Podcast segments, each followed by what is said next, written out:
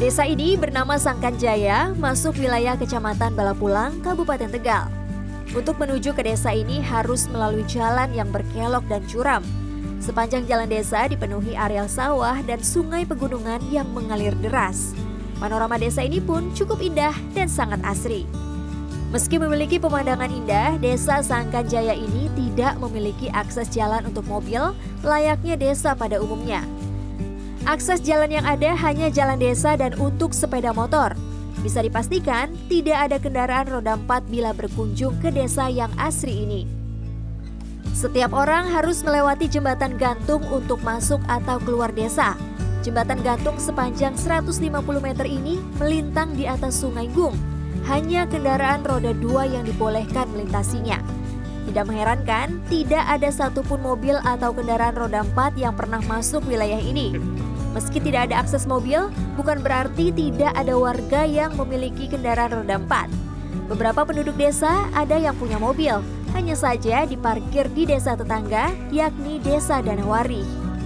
Yang menarik dari desa ini adalah banyak ditemui rumah-rumah bagus yang dibiarkan kosong. Deretan rumah bagus ini sekaligus menggambarkan kondisi ekonomi warga desa yang bisa dikatakan mampu.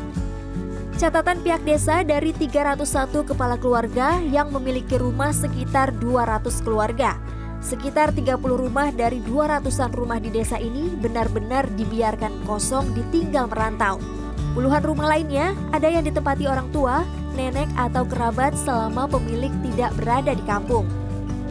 Untuk menjaga rumah, biasanya pemilik memberi insentif yang besarnya bervariatif, Rata-rata mereka memberikan bayaran Rp500.000 per bulan. Rumah-rumah ini dibiarkan kosong karena ditinggal merantau. Dari sekitar 1.300 penduduk desa Sangkanjaya, 60 persennya merantau dan bekerja sebagai pedagang martabak, gorengan, dan nasi goreng.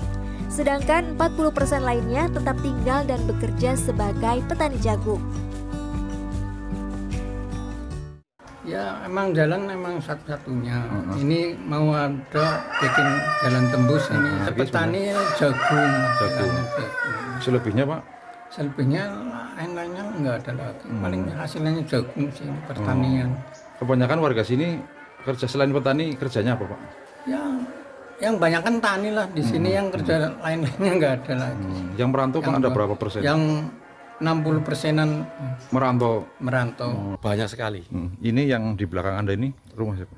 Rumah Bapak Sikin. Bapak Sikin. Beliau sebagai apa, Mas? Sebagai pedagang. Hmm. Selama ini Mas dibiarkan seperti ini apa gimana? Enggak, dari tahap proses hmm. renovasi. Hmm. Tapi dibiarkan kosong tuh. Iya. Hmm. Pulangnya tiap apa tuh? Setahun sekali, lebaran. Lebaran. Uh, untuk untuk si hari-harinya yang jaga itu atau siapa? Enggak ada ini. Enggak ada. Enggak ada. Oh, dibiarkan kosong aja. Ya? Iya. Ya? Ada berapa mas yang nasibnya seperti itu? Banyak lah, kurang lebih ya 30 bulan lebih adalah. Warga desa kini sudah memiliki harapan memiliki akses jalan mobil. Menurut rencana, dalam waktu dekat, pemerintah akan membangun jalan tembus yang bisa masuk ke desa tersebut. Imam Suripto, Tegal, Jawa Tengah.